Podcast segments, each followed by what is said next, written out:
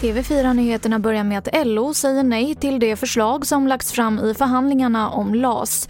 Trots att fack och arbetsgivare gav samtalen ytterligare en dag så lyckades man alltså inte nå ett avtal.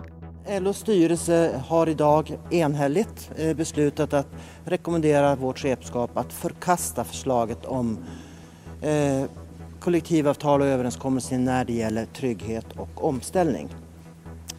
Eh, vi kan säga så här, vi har verkligen, verkligen försökt. Vi har verkligen försökt att ända in i kaklet eh, få till stånd en överenskommelse. Det sa Susanna Gideonsson, ordförande i LO. Och mer om detta på tv4play.se. Sverige har fått sitt första bekräftade fall av återinsjuknande i covid-19. Det är en 53-årig kvinna som testades positivt för det nya coronaviruset både i maj och i augusti.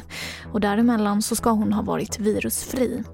Och till sist kan jag berätta att åtta nya dödsfall i covid-19 har rapporterats in idag.